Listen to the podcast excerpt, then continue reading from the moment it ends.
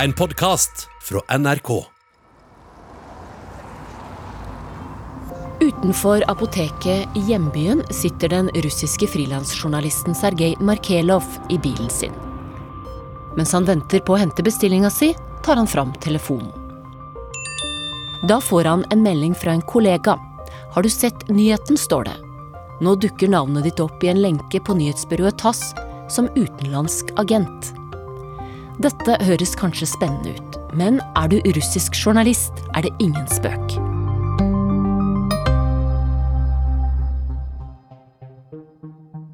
Это вот как в э, произведении «Процесс» Франца Кавки. То есть ты в один прекрасный день просыпаешься, и тебе говорят, ты иностранный агент. Det er som boka 'Prosessen' av Frans Kafka, sier Markelov. Du våkner opp en vakker dag og får vite at du er blitt utenlandsk agent. Du forstår ikke helt hva det innebærer, men får beskjed om at dette er noe du heretter må opplyse om til alle og enhver.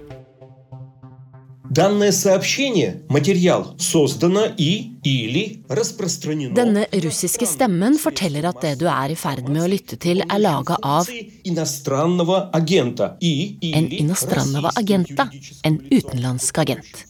Markelov og andre journalister eller medier som har fått stempelet, må merke alt de lager med denne advarselen. Og det gjelder ikke bare artikler, podkaster eller annen journalistikk. Også private meldinger i sosiale medier skal merkes på samme måte. Det betyr at da Markelov la ut et bilde på sin private Instagram-konto, der han gir kona si et kyss på Den røde plass, måtte han merke posten med den samme advarselen. De 24 ordene må skrives med store bokstaver og stå øverst. Men det er mer. Myndighetene vil også ha kontroll på hvordan han bruker pengene sine. То есть я пишу, купил там трусы на деньги, полученные от Радио Свободы. Hvis jeg f.eks. kjøper et par underbukser, må jeg fortelle at pengene kommer fra f.eks. radiokanalen Svaboda, sier Markelov. Hver tredje måned må han også rapportere inn til Justisdepartementet hva han har kjøpt og hvor pengene kommer fra. Å bryte reglene er straffbart. Etter to advarsler kan man havne i fengsel. Какую-то- То есть оно вроде звучит как бы типа... Но это, но это абсурд. Det har snart gått et år siden Markelov fikk stempelet utenlandsk agent. Og han er ikke aleine. De siste åra har lista blitt lengre og lengre. En egen lov sier at journalister, medier og organisasjoner som mottar penger fra utlandet, er utenlandske agenter. Og som frilanser har Markelov tatt på seg oppdrag for utenlandske medier. Det er jo å få et stempel som er med på å stigmatisere deg. Det er jo et stigma fordi det nettopp viser at eh, du jobber for eh, en annen stat. Altså du jobber mot russiske interesser og er på en måte en fare for rikets sikkerhet. Og det gir jo gjenklang i Russland, fordi dette er nettopp sånn språkbruk man brukte under Sovjetunionen. Så det er et merkelapp som gjør det vanskeligere eh, å operere i Russland. Jeg heter Ane Tusvik Bonde og er seniorrådgiver i Human Rights House Foundation, som er en organisasjon som jobber med lokale organisasjoner, bl.a. i Russland. Det gjør det også vanskeligere å komme i kontakt med myndigheter. Det gjør også at man ser med flere medier eh, at annonsørene forsvinner. At folk tør ikke lenger å annonsere i avisa, vil ikke bli forbundet med den. Eh, så generelt så tenker jeg at eh, for folk flest så, så gir dette en, altså en negativ, det er en negativ klangbunn når man hører om utenlandske agenter. Loven om utenlandske agenter er snart ti år gammel. Den omfatta først organisasjoner, men gjelder nå også medier, enkeltjournalister og bloggere. Og hele problemet med loven er at den er så vag, sånn at myndighetene kan bruke den ganske vilkårlig til å slå ned på dem de vil. Eh, nettopp for å hindre kritiske røster, for å hindre at objektiv informasjon kommer ut. Eh, og eh, vi ser særlig da det siste året når det gjelder mediene, så ser vi at det har gått fra at man hadde elleve eh, journalister og medier på lista i desember 2020, så er det nå over 80 eh, medier og journalister som, som er stemplet som utenlandske agenter. Det det også kan føre til, det er jo en selvsensur. At du merker at, at folk blir redde. Eh, og man, er, man, blir redd for hva man skal skrive om, og også for å ha kontakt med, med internasjonale organisasjoner, delta på internasjonale seminarer, debatter, fordi man ikke vet eh, om denne loven også kan brukes mot deg fordi du gjør det. Nettopp fordi det er så vagt hva som menes med utenlandsk eh, støtte. Президент Российской Федерации Vladimir Vladimirovich Putin i 2018 ble Vladimir Putin innsatt som president i Russland for fjerde gang. Han har snart styrt landet i over 20 år, i stadig mer autoritær retning. Et eksempel er kontrollen med mediene. Men loven om utenlandske agenter er kun retta mot det å begrense innblanding i Russlands indre anliggender, hevder Putin. Han påstår at det samme gjøres i andre land, f.eks. i USA. Han viser jo da til at USA har jo også en slik eh, utenlandsk agentlov som de etablerte på 30-tallet, og at de har erklært denne Russia Today, altså RT, for utenlandsk agent. Og at det på en måte er mer sånn tilsvar til denne at russerne også begynte eh, med å erklære medier for utenlandske agenter. Men det som er spesielt i Russland, er jo at man også erklærer sine egne borgere for det. Folk som jobber for, for russiske medier. Så det som eh, man ser, er jo i hvert fall at det er vanskeligere å operere for medier som er blitt utenlandske agenter. Særlig hvis du kommer fra regionen, ikke har store ressurser, så er det veldig stigmatiserende. Og da er det mye vanskeligere å egentlig kunne fungere og gjøre jobben sin når du har dette stempelet på deg. Putin har jo helt fra han kom til makten, slått ned på mediene i Russland og begrenset ytringsfriheten. Han begynte med eh, å ta over eh, uavhengige TV-stasjoner.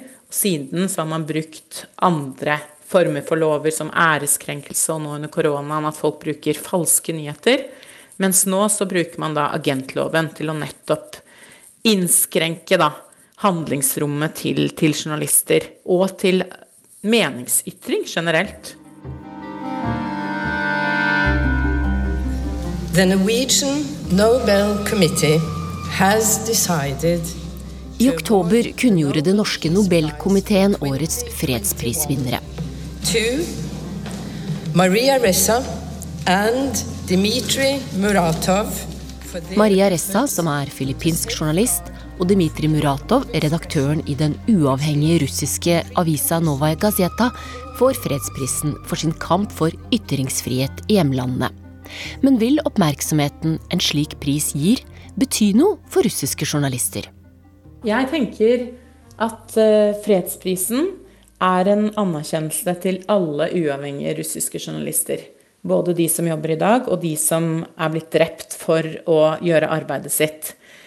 Eh, og at denne prisen kan sette mer fokus på hvor vanskelig situasjonen er for pressefriheten og ytringsfriheten i Russland, og gi dem den anerkjennelsen de fortjener for at de fortsatt gjør dette arbeidet på tross av hvor vanskelig det er.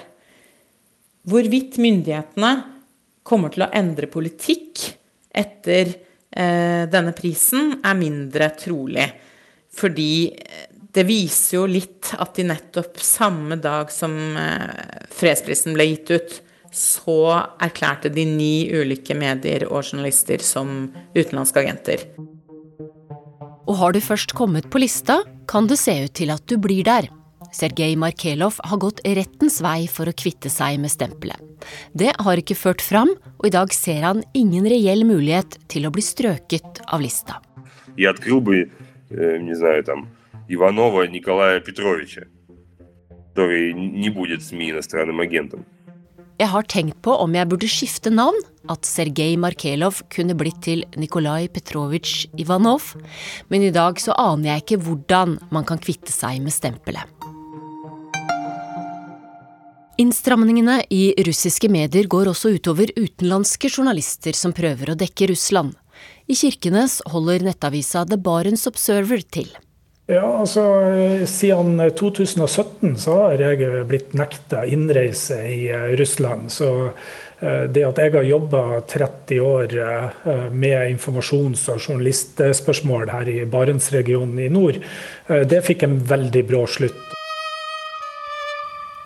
Ja, jeg er Thomas Nilsen. Jeg er redaktør for eh, Barents Observer, eh, basert i Kirkenes. Det er en nettavis som publiserer på engelsk og russisk for et globalt publikum om ting som skjer i nord. I 2019 publiserte de et portrettintervju med en homofil svensk same som bl.a. fortalte om psykisk sykdom og selvmordsforsøk. Det russiske medietilsynet mente artikkelen oppmuntra til selvmord, og ga Nilsen 24 timer på å fjerne artikkelen. Nilsen sa nei, og etter det har Barents Observer vært blokkert i Russland. Nilsen har ikke gitt opp kampen mot russiske myndigheter. Avgjørelsen om at han ikke lenger får komme inn i landet, har han ikke slått seg til ro med. Vi har tatt FSB, da, som er den russiske sikkerhetstjenesten, til retten for å få Eh, klarhet i hva er den egentlige begrunnelsen for innreisenekten for meg. Og det har jeg hatt fem rettssaker på, helt opp til russisk høyesterett, eh, som jeg har tapt. Så nå står jeg i den berømmelige køen i lag med veldig, veldig mange andre russiske journalister og medieinstitusjoner da, eh, for å få saken opp for Den europeiske menneskerettighetsdomstolen i, i Strasbourg. Og har et godt håp om at det kommer til å skje hvis da Russland fremover fortsetter å være en del av Europarådet. I høst ble loven om utenlandske agenter igjen utvida. Nilsen sier at det har gjort jobben hans enda vanskeligere.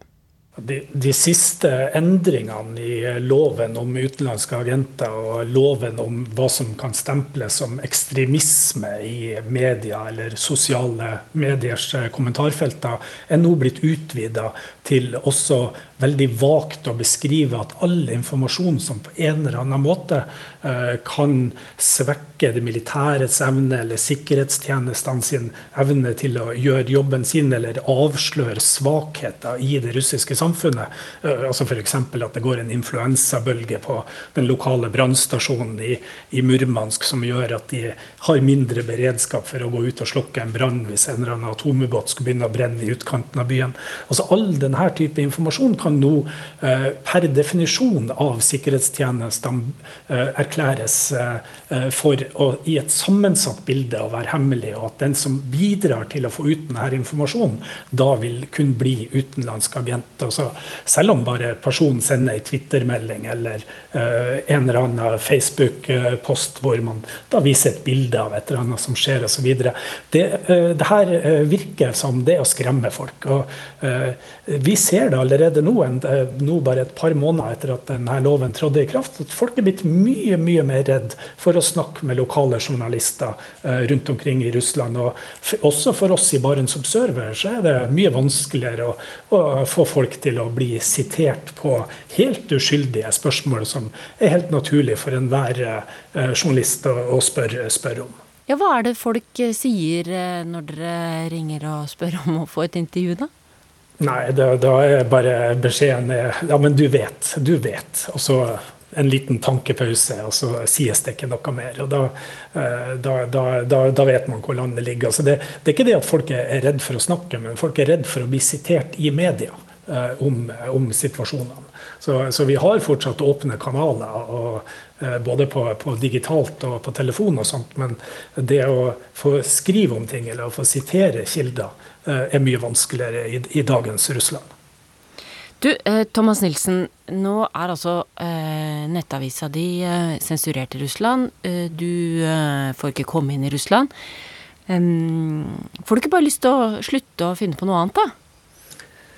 Eh, for oss som eh, i Barents Observer, vi har jo eh, jobba med Russland i snart 20 år og reist hundrevis av ganger på veien mellom Kirkenes og Murmansk og ned til Arkangelsk og andre områder i det russiske nord. Og historien har jo lært oss da at ting kan endre seg veldig veldig fort. Og jeg tror at når det ser som mørkest ut nå i begynnelsen av desember, så skal vi bestandig huske at det kommer en dag etter i morgen. Du har hørt podkasten Krig og fred, laga av Kari Skeie. Lydregien var ved Lisbeth Sellereite, og redaktør er Sigurd Falkenberg Mikkelsen.